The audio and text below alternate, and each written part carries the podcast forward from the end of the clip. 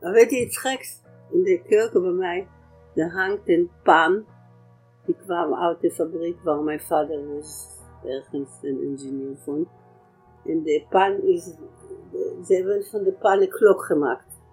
Maar de klok is de batterij, de batterij is al lang dood, dus de klok werkt niet. En ik heb hem altijd staan op tien voor elf. Dat is de tijd van mijn geboorte. Toen ik, weg, was in de, revalidatie, mijn hulp kwam hier schoonmaken. En ze hebben ook de pan schoongemaakt. En toen ik kwam naar huis, het stond op half zeven. Dus toen dacht ik, that will be the hour of my death.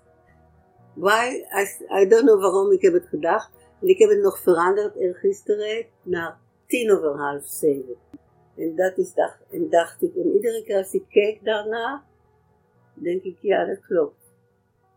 That will be the hour of my death.